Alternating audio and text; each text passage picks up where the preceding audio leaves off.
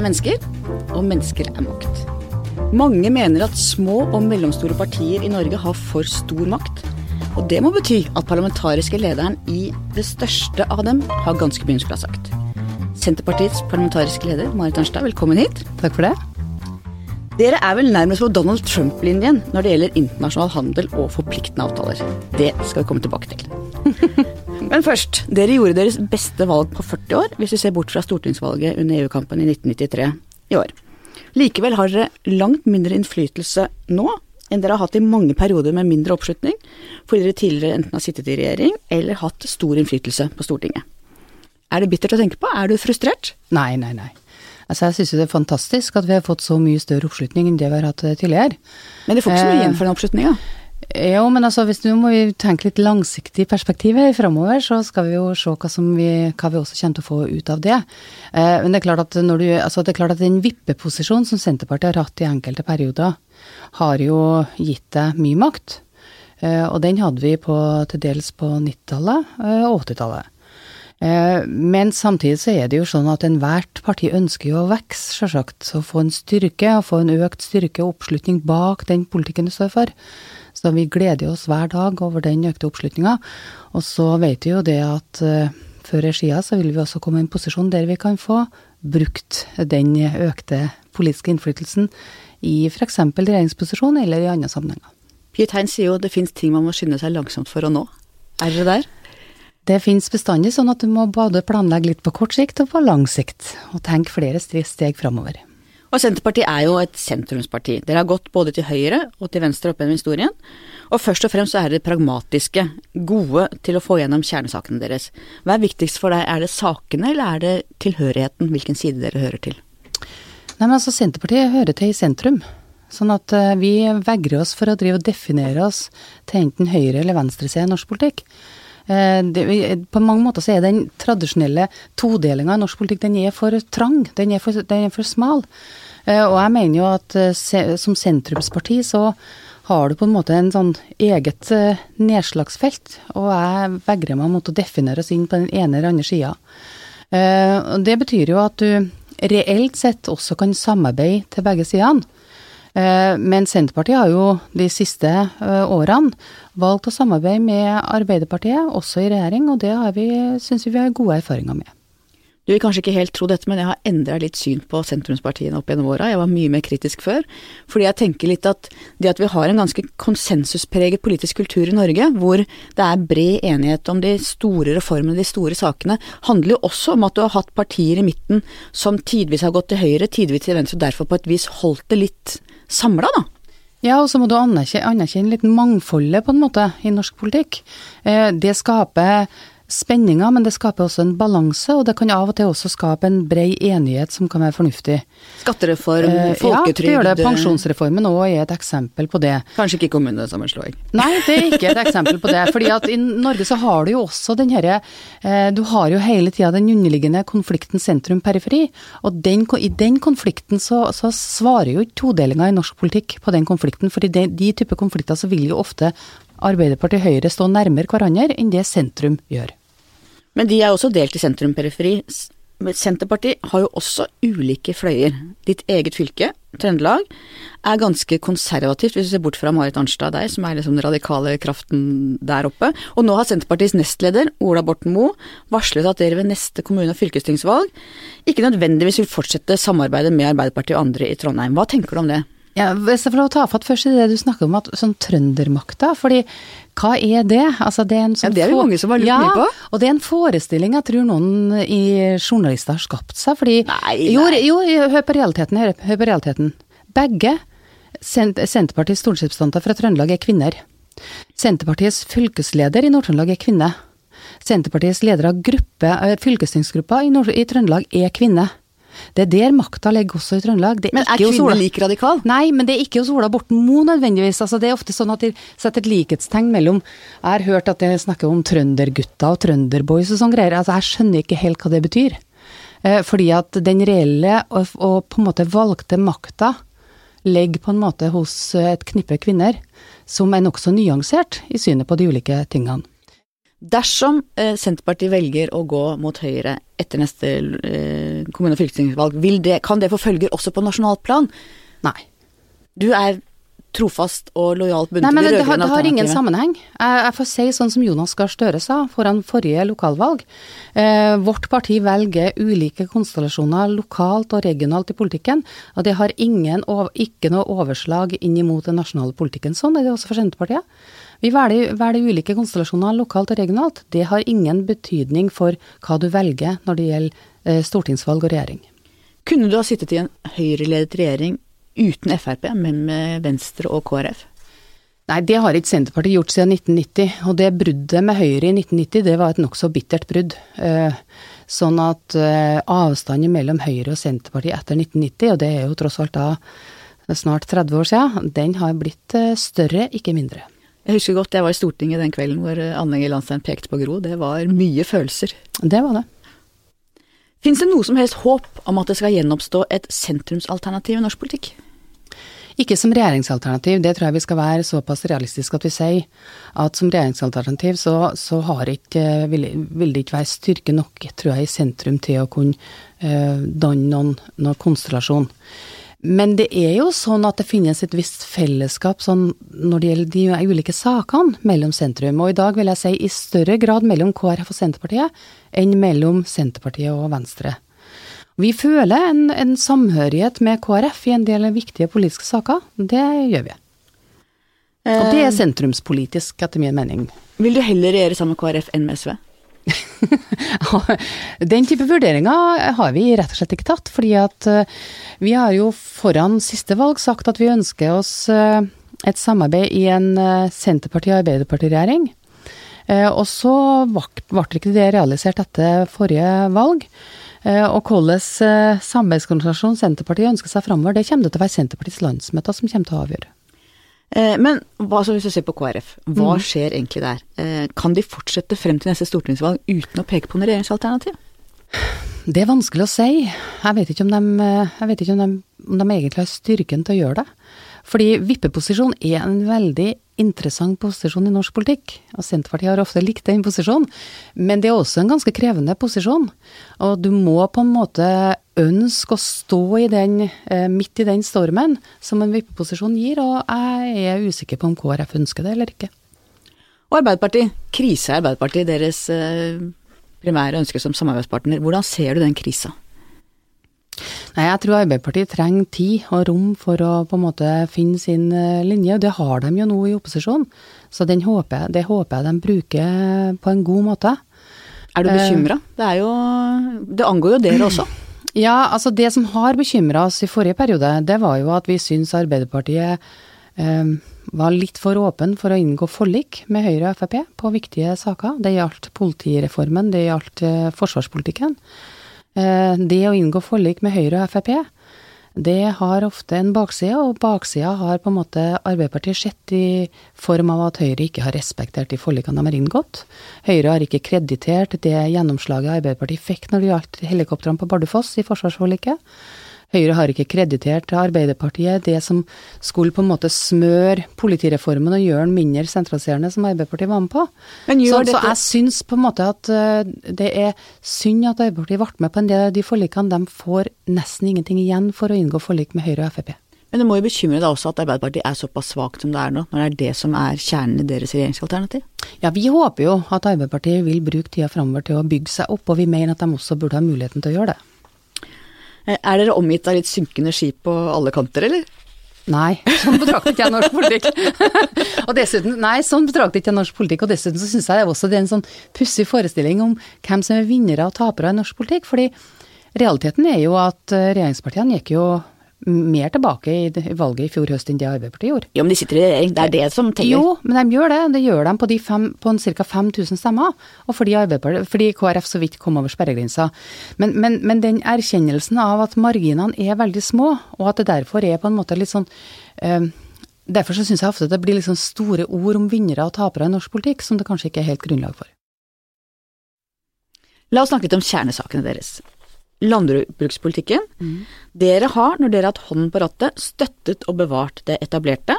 og i perioder der andre partier har hatt makten, f.eks. Arbeiderpartiets Gunhild Øyangen på 1990-tallet, Frp i Landbruksdepartementet nå, da skjer det endringer og reformer. Har det egentlig, sett fra din side, vært en ganske nyttig dynamikk, eller hadde norsk landbrukspolitikk vært mye bedre dersom Senterpartiet alltid hadde styrt landbrukspolitikken? Vet du at norsk landbruk er snart det eneste eksempelet du har igjen i Europa på et familiejordbruk. Eh, og det er et jordbruk der du fortsatt på en måte utnytter en stor del av arealene, og der at eh, det industrielle holdt Altså, det industrielle fortsatt er balansert. Jeg sier ikke at du ikke har industrielle element i norsk landbruk òg, men du har klart å balansere det, og du har fortsatt en grunnstamme av familiejordbruk. Og handler det om nettopp det jeg beskrev, det om blandingen av reformer i enkeltperioder og bevaring i andre perioder? Det, er det, det samla landbrukspolitikken gjennom mange år som har ført til dette? Det handler om noen stabile element som på en måte må ligge der. Eh, det ene av dem er importvernet. Det andre er det vi kaller kanaliseringspolitikken. Altså det må du forklare. Ja, det er at du tar hensyn til at geografi, jordsmonn, avlingssesong er ulik i ulike deler av landet, og at du prøver å legge eh, korn på Jæren. Korn på én plass og husdyrproduksjon på en annen plass, ikke sant, og sånne ting. Og utnytte fortrinnene til de ulike delene av landet. Eh, og det syns jeg òg vi har eh, Og det de, de stabile grunnlaget der må ligge i. Men betyr det at du er enig med min analyse at det har vært nyttig både med periode med reformer som dere kanskje har vært mot, og periode med at dere har sittet og styrt og bevart. Hvilke store reformer har det vært? Ja, Gunnhild Jangen var jo f.eks. veldig omstridt som landbrukspolitiker, landbruksminister på mm. tidlig 90-tallet, mm. og gjorde en del grep som var eh, ja, jeg syns, Synes, Jeg syns jo at jeg syns ikke noen Jeg syns ikke de Altså, jeg ser jo at Lars Bonnem åpna f.eks. For, et, A, for å bruke av AS i landbruket. Jeg ser ikke på det som veldig store reformer, egentlig. Eh, og jeg tror at mye av diskusjonene også i forhold til andre partis landbruksministre har handla om inntektsutviklinga. Det er jo der på en måte som er det såre punktet i landbruket. At du ikke på en måte skal ha et inntektsmål der du har en eh, kronemessig lik utvikling som andre, andre eh, inntektsgrupper i landet. Men det betyr at, at når andre partier har sittet med makten, så er det ingen som har klart å ødelegge norsk landbrukspolitikk? At det har vært en relativt bred konsensus om hovedlinjene? Ja, og en av grunnene til det er jo at, at sjøl om Frp nå sitter i Landbruksdepartementet, så er flertallet i landbrukspolitikken reelt sett i opposisjonen i Stortinget. Og det vet Frp. Eh, og flertallet i Stortinget har også bevist det gjennom landbruksmeldinga, eh, som ble behandla for to år siden, der de nedfeller noen sånne stolper i norsk landbrukspolitikk. Og flertallet i norsk landbrukspolitikk nå, det er reelt sett, eh, legger på en måte reelt sett i Senterpartiet, KrF og Arbeiderpartiet. Det er der det ligger. Og så, men bare litt tilbake, altså, for en av store på en måte forskjellene med norsk landbruk nå, det er at vi fortsatt har et familielandbruk Danmark hadde en gang i tida. De sitter igjen med et forelda industrilandbruk. Sverige tilpassa seg EUs landbruk. De sitter igjen med melkebruk som ikke håndterer den situasjonen de er midt oppi. Det er helt umulig økonomisk å klare seg i konkurransen med andre land innenfor EU. Min opplevelse er at det er mye bredere oppslutning om norsk landbruk nå enn det var for f.eks. 20 år siden. Jeg husker VG ja. en utregning hvor mye det kosta, 19 milliarder eller noe sånt på fronten. og var, Alle var liksom mot subsidier til bønder. Mens nå er min opplevelse at veldig mange erkjenner at det ja. å bruke hele landet til landbruk og ha kulturlandskap og sånn, er det mye bedre oppslutning om. Det tror jeg du har rett i, og det tror jeg handler både om det dette stammen med familiejordbruk, det handler om at mange ser verdien av egen matproduksjon. Jeg tror det handler om en del om kulturlandskap, og jeg tror også det handler en del om beredskap, altså matproduksjon som en del av vår samla beredskapstenkning. Og så er det balansen mellom sentralisering og lokal tilhørighet, hvor dere er på det ene ytterpunktet. Eh, hvor dere vil ha på en måte, jeg skal ikke si et sykehus i hver kommune, for det er å karikere dere. Eh, ja, det vil være å karikere oss. Ja, det vil jeg det aldri du, Det må du passe deg for, altså. Det aldri gjøre, Nei, det vil du aldri gjøre, det må du passe deg for. Hanne, det skal han ikke gjøre. og så er det andre som Det er Frp som vil ha alt sentralt, nærmest, ikke sant. Um, har vi funnet en god balanse hvis du ser samla sett? Hvis du legger bort partipolitikeren og ser litt på hvordan Norge faktisk er organisert? Nei, det har vi ikke. Jeg må si at jeg syns akkurat nå at det foregår ting, sentraliseringspolitikk i Norge, som er svært bekymringsfullt. Eh, Ta et eksempel, sykehuspolitikken. Da har man en tendens på en måte til å se på, uh, på, på de, de, minste sykehusene. Men du må jo se på litt på sammenhengene her når det gjelder sykehussektoren. Uh, og det ene er jo at jeg syns det er uh, trasig at sykehussektoren er frikobla politisk styring på den måten den er i dag. At det er helseforetakene som på en måte dimensjonerer ambulansetjenesten utover i landet, og bestemmer hvem som skal ha en ambulanse i sin nærhet eller ikke. Ut fra ren sånn markedsmessig tenkning. markedsmessig tenkning. Og det andre er på en måte strukturen også på sykehus. Og faktum er at det er ikke bare distriktspolitikk. Det er også et Oslo-fenomen. Altså, se på diskusjonen i Oslo i dag. Se på, disse, se på gigantsykehuset på Ahus. Se hvordan det fungerer. Se på de planene du har på Gaustad nå. Og samtidig skal du altså, eh, samtidig så sier helseministeren at hvis han ikke får det som han vil på Gaustad, så legger han ned Ullevål. Og da skal det ikke bli noe akuttsykehus på Aker. Altså, Oslo kommer til å trenge alle de sykehusene de har i dag. Og i tillegg så blir de nødt til å bygge litt mer. Og det å unngå å legge ned det du har, og samtidig på en måte utvide tilbudet til befolkninga, det kommer til å være problematikken i Oslo. Og det er den samme type problematikk som du opplever i Østfold, som du opplever i Innlandet nå, og som du opplever i Midt-Norge.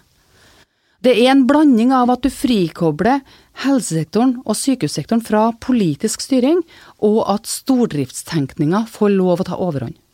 Men spørsmålet her er vel hva som er optimal størrelse, og dette finnes det jo forskning på, ikke sant, hvor det verken skal være for stort eller for smått. Og hvor man kanskje i Norge har gått i retning av for mye for stort og for mye for smått, og sett for lite på hva som er eh, riktig størrelse.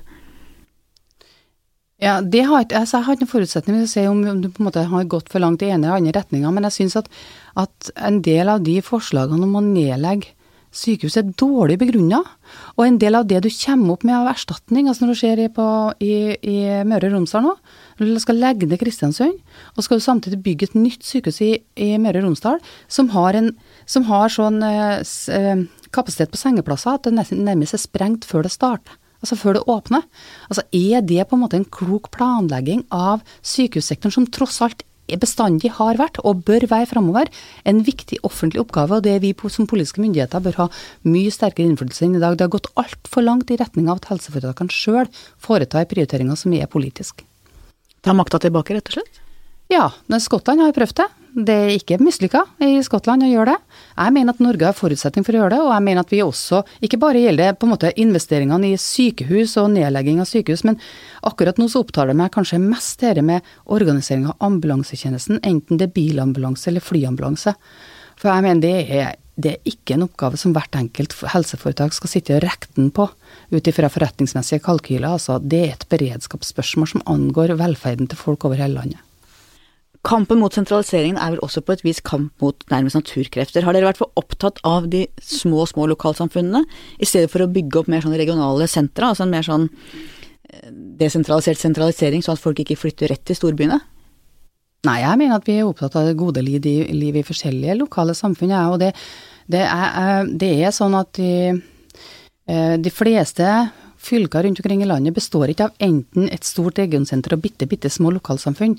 Det består av eh, noen plasser med kanskje en 500-1000 innbyggere, og så består det av mange plasser som har 1000 5000, mange som har 5000 til 20 000, og så de store regionsentrene. Og jeg mener egentlig at alle de områdene fortjener oppmerksomhet, og fortjener å være med på en positiv utvikling. Men Marit, hva er galt med Oslo? Du sendte ut en tweet. Fuck Oslo. Du skrev når jeg ser utover åkeren, sola skinner og det er helt stille, ja da tenker jeg fuck Oslo. Ja, det var, var en ironisk tweet, faktisk. Så problemet der er at jeg har lært en gang Ironi er farlig. Ja, jeg har lært en gang for alle at en politiker kan aldri være ironisk på Twitter. Er det litt leit? Fordi, det er litt leit. Fordi at det som egentlig var uh, situasjonen, det var at det var siste dagen i ferien. Uh, og jeg tenkte at fy flate, i morgen er det striskjorte og havrelefse igjen. Og så var det så nydelig vær, og så uh, retweeta jeg den tweeten fra ei som anna som hadde lagt ut det. Og det var egentlig litt sånn, litt sånn ironisk ment, ikke sant. Men, uh, og det var henspillet på fri og ferie, og så tilbake til jobb. Men det var litt gøy òg. Nei, altså jeg bare innser at uh, som politiker så er det må du på en måte Har du litt andre rammer for hva du kan gjøre på sånne ting, da. Så si at du er litt glad i Oslo, da. Jeg er veldig glad i Oslo. Oslo er jo min by. Altså, jeg flytta til Oslo da jeg var 18 år. Uh, nei, 20. Jeg var 20 år. Og jeg bodde jo i Oslo i uh, 13 år før jeg kom inn på Stortinget. Og Oslo er den byen jeg kjenner best av alle byer. Jeg kjenner jo Trondheim mye dårligere enn Oslo. Sånn at uh, det her er jo Jeg kan jo gå vandre gatelangs i Oslo og tenke over at det her er min by. Du er jo selv fra et uh, lite sted i Norge. Uh, Skatval i Stjørdal kommune i Trøndelag. Fortell om oppveksten din. Jo, altså det var egentlig ganske vanlig sånn bygdeoppvekst. Veldig ok oppvekst, egentlig. På gård? Hm? På gård? Ja, jeg bodde på gård, og når jeg var lita, så var jo det en gård som hadde både griser og høner og kyr og hest. Sånn at jeg var kanskje den siste rest av en generasjon som opplevde sånn jordbruk der du hadde mye, mange dyreslag på sam, samme gården, da. Eh, og det var en veldig, veldig fri oppvekst, egentlig. Veldig sånn fritt hva du kan gjøre. Og så gikk jeg jo på skole på Skatval og på Stjørdal. Eh, og så var jeg Husker jeg at jeg hadde lyst til å studere historie. Og det sa læreren min at det blir det ikke noe mat av. Det blir det ikke noe penger av, så du må gjøre noe annet. Og den gangen så var det jo ikke så vanskelig å komme inn verken på økonomi eller juss, så da begynte jeg på jussen, og så flytta jeg til Oslo. Faren din Arne var ligningsrevisor og bonde. Hva slags type var han? Han var nok det snilleste mennesket jeg kjenner. Ja. Han var veldig, veldig snill, veldig øh, ja, rolig, mild. Dere gikk mye i skogen sammen? Ja, vi gikk en, vi, han var veldig glad i å gå i skogen. Altså, han var veldig glad i å, å, å, ta oss med på tur. Det var ikke så lange turer den gangen. Vi får, har ikke noe hytte hun for til, eller noe sånn lange, flere timer på tur og sånn. Vi holdt oss i nærområdet, men vi var mye ute og gikk i lag, ja. Mm. Og moren din, sykepleier Åsta, beskriv henne. Nei, hun er en uh, meget bestemt dame, ja. de var veldig forskjellige, de to? Ja, de utfylte hverandre veldig godt, egentlig. Ja. Mor var liksom uh, Mor er det liksom Det er nokså bestemt, nokså tydelig, uh, og en sterk kvinne, altså. Hvem av dem ligner du mest på, moren din eller faren din? Ja, jeg, nok, jeg tror nok både søstera mi og mora mi vil si at jeg ligner mest på mora mi. Det høres litt sånn ut. ja. Faren din døde tidlig da du var 18 år. Var han Mm. syk lenge? Han var syk et par år. Uh, og jeg vet egentlig ikke om jeg og Jelly forsto uh, hvor syk han var.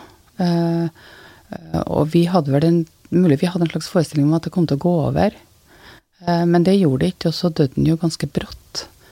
den før jula, den siste året vi gikk på Urone. det var et nokså hardt slag, og det var, det var et hardt slag følelsesmessig, men det var òg et hardt slag økonomisk for oss.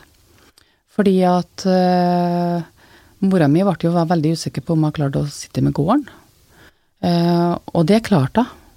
Men hun hadde veldig stramme økonomiske kår de første årene etterpå. Uh, og jeg tenker sånn, i dag så tenker jeg altså, jeg kunne aldri ringe hjem og be om en krone. Jeg kunne aldri drømme om å gjøre det heller når jeg var student. Fordi at det ville jeg ikke ha belasta mora mi med, at jeg spurte henne om penger. Så derfor så var studieårene mine bestandig fullt av at jeg jobba og klarte meg og forsørga meg sjøl. Hvordan opplevde du den tiden da faren din var sjuk? Det er Jeg opplevde det nesten som sånn Som jeg sier, jeg vet ikke om, om jeg helt tok det inn over meg hvor sjuk han egentlig var. Så jeg vet ikke om jeg De sterkeste følelsene kommer det egentlig etterpå. Hvordan har det prega deg at du mista han så tidlig? Det preger meg på både godt og vondt. Altså, jeg har jo på en måte mangla en, en, far i, i, veldig mange år. Um, til dels har det blitt kompensert med at jeg har hatt onkler som på en måte har blitt en sånn, sånn farsskikkelse for meg. Uh, særlig en onkel i Oslo her, som, uh, som var veldig mye til hjelp med meg når jeg var ung og student og sånne ting. Men så betyr det òg at vi ble veldig sammensveisa, mora mi og jeg og søstera mi, altså. Fordi at uh, det var, det var, ikke sånn at det var oss mot verden, men det var sånn at vi skal klare oss. Vi skal altså komme oss igjennom det. Vi skal klare å, klare å på en måte stable oss på føttene. Mm.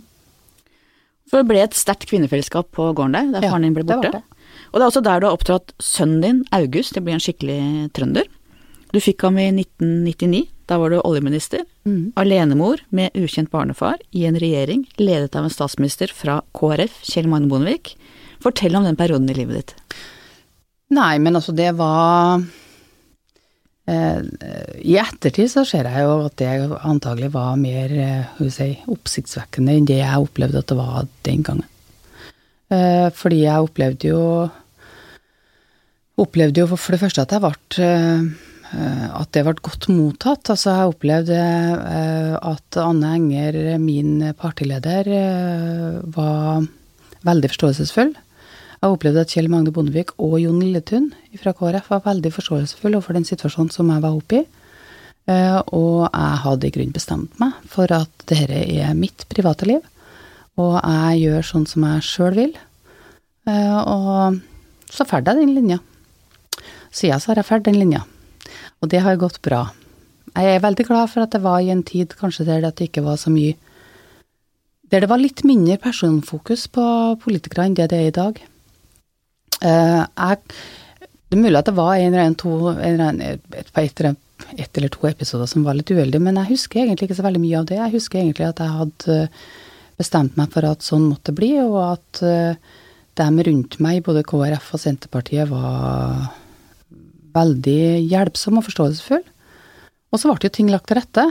Men jeg fikk ikke mer enn fire måneders svangerskapspermisjon, da. Jeg fikk beskjed av eh, departementsråden på SMK, altså statsministerens kontor, at er du borte lenger enn fire måneder, da kan du bare slutte. Så jeg hadde fire måneders svangerskapspermisjon, og det angrer jeg kanskje litt på i ettertid. At jeg ikke var litt tøffere på å si at eh, jeg måtte få de samme vilkårene som andre kvinner.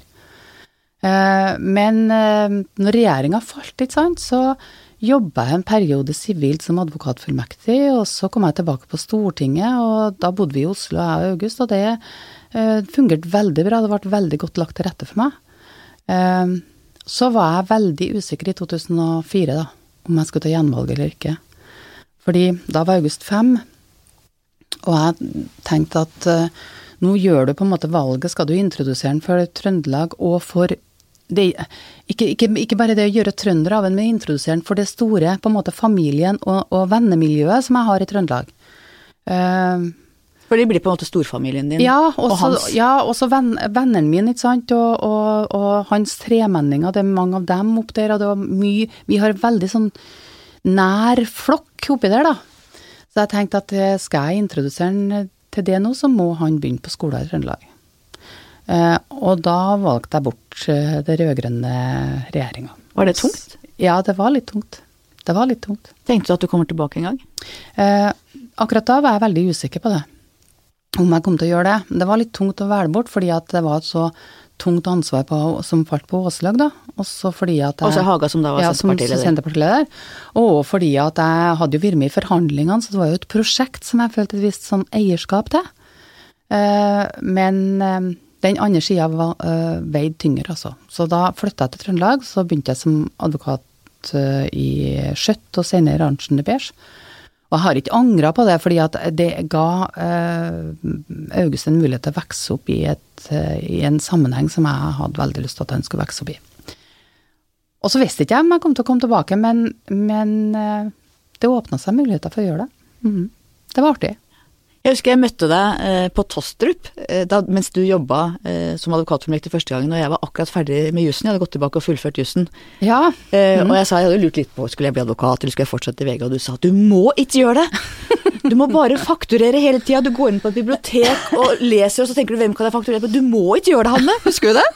Husker du var så streng. Jeg husker, jo, men jeg husker det fordi at jeg um Altså, jussen er, jussen er grei, og det er, en, det er, en, god utdanning å ha tatt med seg. Men det blir for smalt vet du, å jobbe som advokat. Det gjør det altså for en som har jobba som journalist eller kommentator, eller som jobber i politikken, og som får lov å ha overblikket, og får lov å liksom se på ulike deler av samfunnet og samfunnsforhold, så blir det for smalt å jobbe som advokat. Og så var jeg litt Jeg syns det var et pes, det med fakturering. Jeg må innrømme det. Det skjønner jeg. Ja, jeg var ikke helt uh, på det sporet. Det skjønner jeg veldig godt, det ville ikke jeg vært heller. August er enebarn, mm.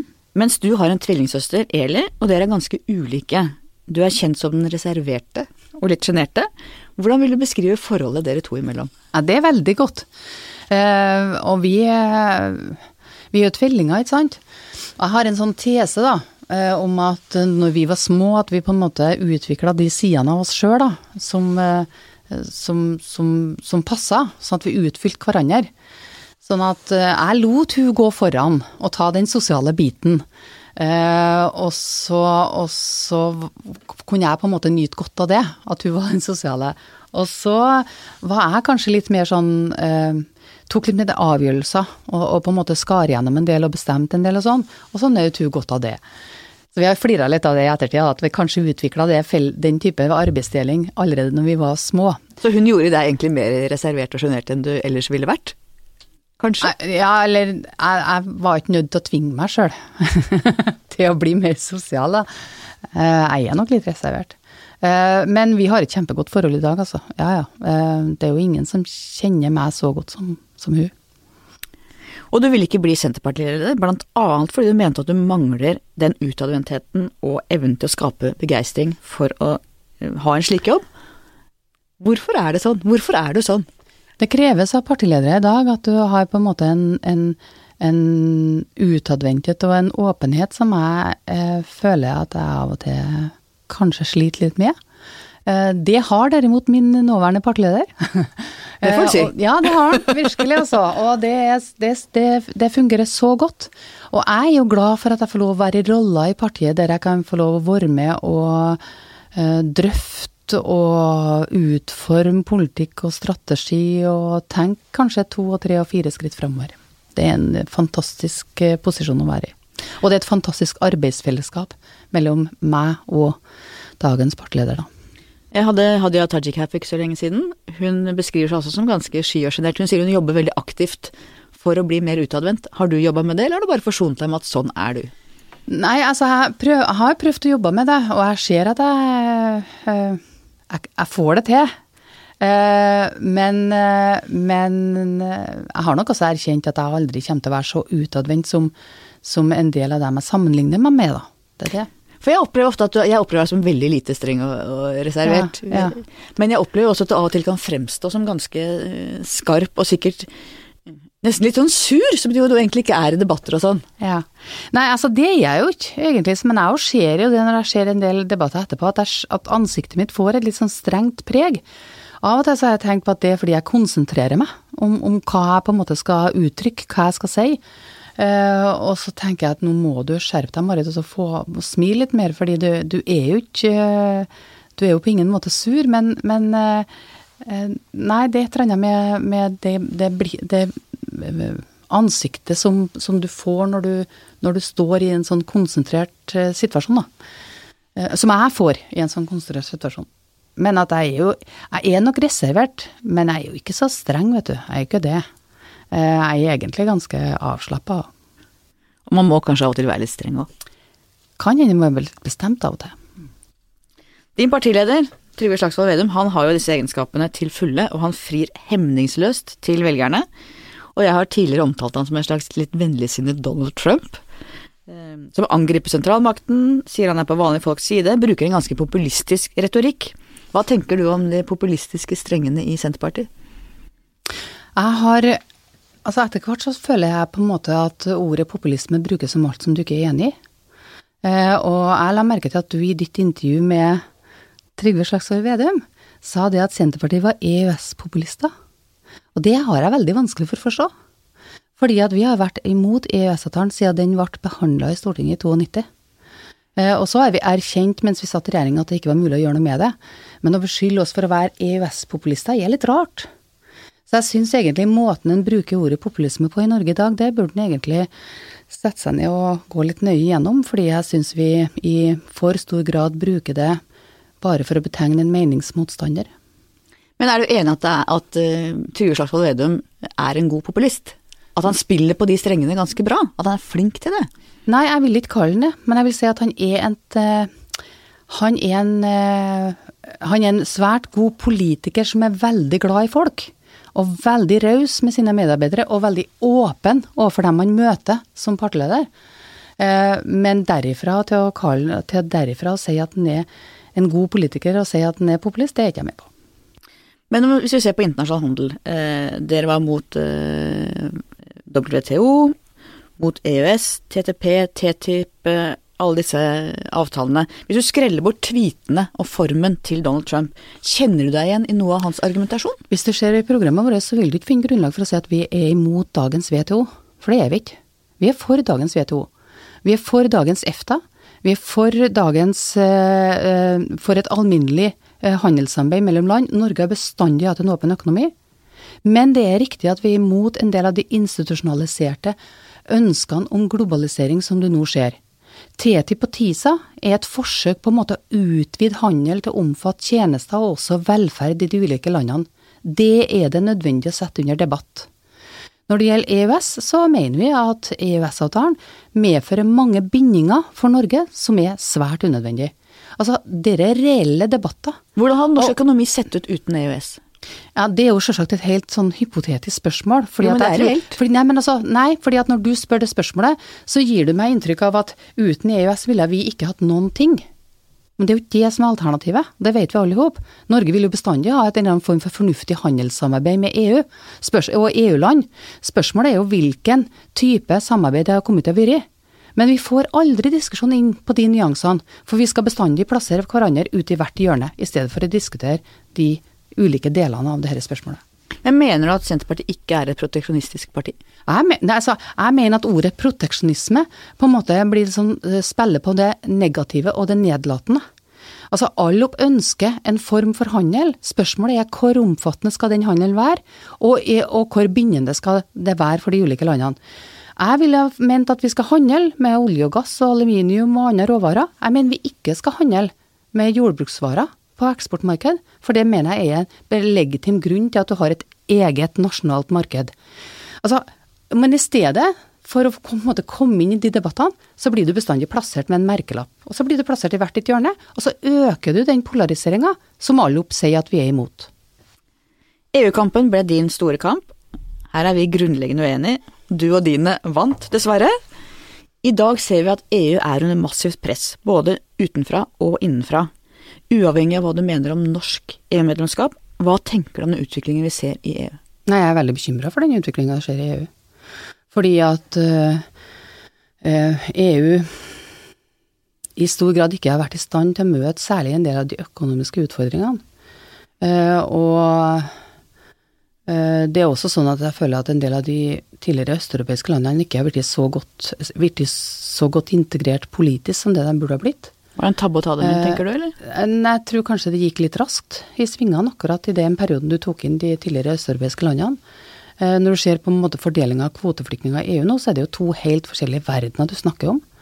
Eh, Når du ser på økonomien, så er det klart at det, du har, det som har skjedd i forhold til Hellas, det, det kommer til å skape store sår i hele EU-samarbeidet i mange år framover. Det er klart det er vans veldig Så- så- vanskelig å ha en felles valuta uten en felles finanspolitikk. Ja, og det var det noen av oss som sa, at eh, skaper du en felles valuta, så må du skape en felles finanspolitikk. Og da var det mange EU-tilhengere som sa det at nei, det er slett ikke nødvendig. men, men altså, så, så, så det er eh, bekymringsverdig en del av de problematikkene du, problem, problemene du, du ser internt i EU nå. Jeg, jeg er usikker på hva som kommer til å skje i EU, EU i årene framover. Som EU-motstander håper du at EU skal gå i oppløsning? Nei, det håper jeg ikke. Eh, Jeg tror en eller annen form for sånn eh, EU-samarbeid, det kommer du til å få. eh, Om ikke med alle de land som er i dag, så tror jeg noen av dagens EU-land på en måte kommer til å se seg tjent med det. det særlig da tenker jeg den tysk-franske aksen. Men jeg syns det er helt merkverdig at EU skal være så gjenstridig mot å la Storbritannia få lov å melde seg ut av EU og få et fornuftig handelssamarbeid med EU utafor som et ikke-medlem. Altså Det virker nesten som det er et sånt eh, litt fornærma barn som sitter i Brussel og tenker sånn at de får ikke lov å gå. Men altså, etter, det må de tillate. At folk, at land De må tillate at land melder seg inn, men også at land velger å melde seg ut igjen. Tenker du brexit er godt eller dårlig nytt for Europa? Altså Det spørs litt hva Europa kommer til å gjøre dette. Hva tenkte du dagen etter folkeavstemningen i England? Var du glad eller lei deg? Da tenkte jeg det at det her er det, det, her er det britene vil. Så her er det flertallet du har fått i Storbritannia. og Det er en realitet du må forholde deg til. Og, og det jeg er litt bekymra over i dag, det virker jo, det, virker jo det, det at jeg syns at den gjenstridigheten du ser i forhandlingene mellom de to landene, der EU nesten ser ut til å skal spille på det, den grupperinga i Storbritannia som er ønska tilbake i EU igjen, det syns jeg er en uklok måte å gå fram på. Jeg syns de skulle finne fram til fornuftige handelssamarbeid og akseptere at, at britene tok den eh, beslutningen de gjorde. Vi ser nå Donald Trump som eh, stadig sår tvil om Nato-alliansen. Eh, USA ser akkurat nå ut som å være et mindre pålitelig samarbeidspartner enn det har vært. Trenger vi i møte med dette et tettere europeisk samarbeid på forsvarspolitikken? Og i det hele tatt et tettere europeisk samarbeid i møte med et annerledes USA? Vi trenger fremfor alt å bidra til at Nato fortsatt er en sterk organisasjon, og til å overbevise amerikanerne om at de har eh, mye igjen for Nato-samarbeidet. Men parallelt med Eh. det trenger vi et sterkere europeisk samarbeid også. Ja, altså, hvis du med det mener at vi på en måte burde trenge å gå inn i en europeisk form for forsvarssamarbeid eller her, så er jeg uenig i det. Jeg mener at vi har valgt Nato, og vi må prøve å gjøre Nato til det beste instrumentet forsvars- og sikkerhetspolitisk som vi kan være en del av. Eh, så jeg er nok mer på Jeg er fortsatt på det sporet, og jeg mener at det er illevarslende på en måte at det Trump sier, men samtidig så mener jeg at da har også vi, som er de europeiske Nato-medlemmene, vi har også en oppgave i å prøve å føye oss og USA sammen, og holde den alliansen sammen i årene framover. Bruke mer penger på forsvar? Bruk mer penger på forsvar, og også bruk mye tid og krefter på det interne Nato-samarbeidet. Og møte med Russland og innblanding derfra, på ulike vis. Hvordan møter vi det? Nei, altså jeg hørte et eh, foredrag fra den, min tidligere statsminister, da, Jens Stoltenberg, i, i, for et par uker siden i Trøndelag. Eh, og jeg er veldig enig i, i det han sier, at her er det en dualisme som du er nødt til å møte Russland med. Du er nødt til å møte med fasthet og en nødvendig avskrekking, men samtidig med dialog. Og begge de elementene er viktige. Eh, og det er aldri sånn at du bare kan drive avskrekking eller eh, vær fast uten å ha dialog, men du kan heller aldri ha dialog uten å vise fasthet. Og jeg tror at de to elementene fortsatt må være det viktigste i forhold til Russland. Og Kina er i ferd med å bli den dominerende makten i verden. Ja. Hva tenker du om det? Nei, altså det er klart det er en, kommer til å være en stor utfordring, særlig for næringslivet i vår del av verden, og det, ja, det er det jo allerede, altså, men det kommer det også til å bli i årene framover. Og så kommer også, tror jeg også Kina etter hvert har større og større geopolitiske ambisjoner. Det har vi sett i Afrika, det har vi sett i en del andre land. Og de har nok også ambisjoner om å drive en del oppkjøp i de nordiske landene. Eh, min partileder har jo fått litt sånn pepper for at han er opptatt av kinesiske oppkjøp i Norge, men altså det er jo ledd i en større debatt. Det svenske, I Sverige har du hatt en stor debatt om kinesiske interesser skal få lov å kjøpe seg inn i svenske havner, f.eks., og på en måte ei havneinfrastruktur i Sverige. Jeg mener at det faktisk er en ganske viktig eh, både nasjonal, men også geopolitisk debatt.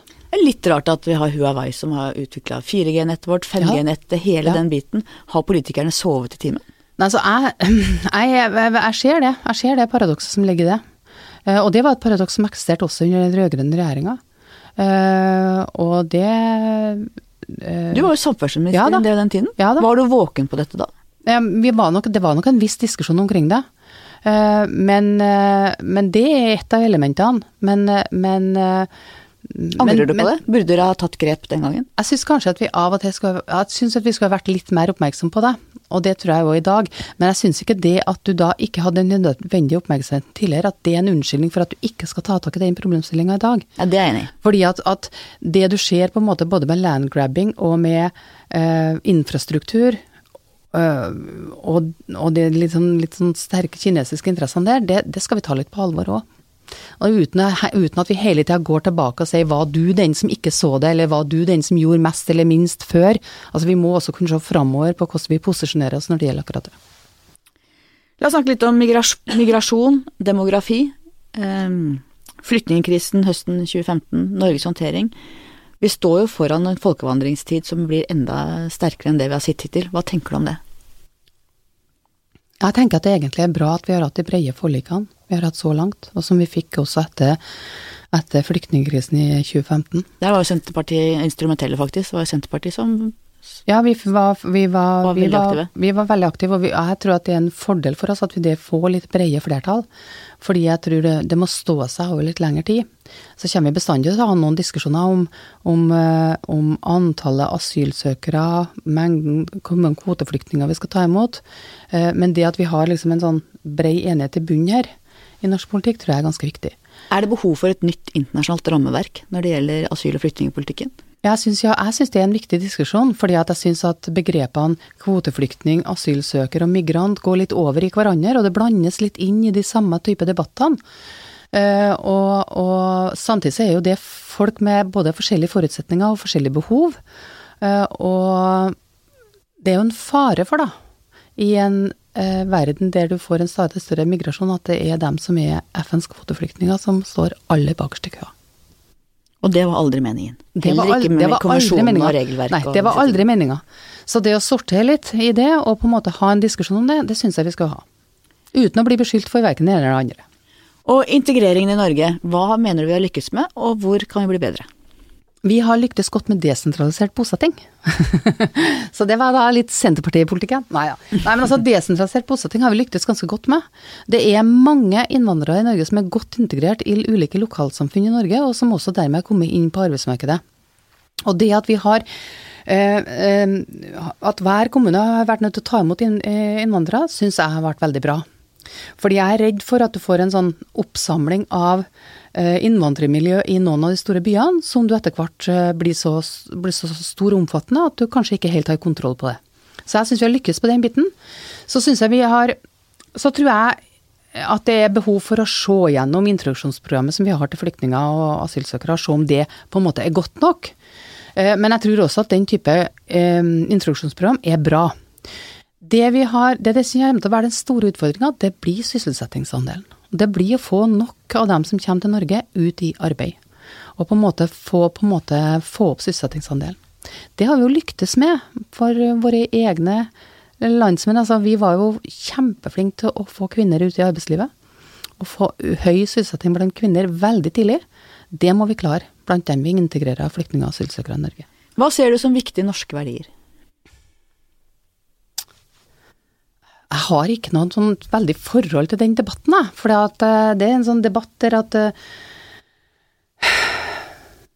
Jeg har egentlig ikke det. Og hvis det viktigste norske verdiene jeg, jeg anerkjenner i dag, per i dag, det er tillit. Så det er viktigste, den viktigste verdien vi har i dag. Det er at vi har tillit til hverandre. I mitt lokalmiljø har vi tillit til hverandre. Når jeg var på jobb nå denne uka her, så kom en uh, montør og jo, gikk rett inn i huset mitt og monterte ny varmepumpe, og jeg vet jeg får en faktura, og jeg stoler på han, og han stoler på meg. Altså, tilliten oss imellom er etter min mening det aller viktigste norske verdien. Ellers så har ikke jeg så mye forhold til det begrepet norske verdier. Og Hvordan ser du religionens plass i det norske samfunnet? Jo, jeg mener jo at religion har da en plass i det norske samfunnet. Og, og jeg er jo Jeg har en bakgrunn Min mormor og morfar var haugianere. Eh, og dem var Jeg har nok arva litt ifra dem når det gjelder forholdet til litt tro. Altså jeg er ikke noe haugiane, men altså det å ha et forhold til tro. Sånn at øh, jeg mener at øh, den kristne religion har en helt naturlig plass for meg i mitt liv, og også tror, i det norske samfunnet. Samtidig så er jeg glad for at vi også har trosfrihet i Norge, og at det er åpent for ulike typer religioner å utøve sin eh, religiøse overbevisning. Så du har en personlig gudstro? Ja, det har jeg. Mm. Hva ber du om når du ber? Nei, altså det Nå blir du for privat, faktisk. Rett og slett. Det er lov å spørre, og så er det lov å ikke svare. Ja, men for, at, for, jeg er litt sånn, for meg så er liksom tro det er et veldig personlig spørsmål. Mm. Snakker sjelden offentlig om det. Til slutt, mitt faste spørsmål. Hva skal bli historien om deg? Marit Arnstad, det var hun som Nei, det var hun som var arbeidsmuren i partiet sitt, og som eh, Som var med å Uh, la noen langsiktige uh, løp og tanker omkring utviklinga av sitt eget parti, og som gjorde jobben i partiet sitt. Tusen takk for at du kom. Takk til deg som hørte på, og takk til vår faste produsent Magne Antonsen. Vi høres igjen neste uke.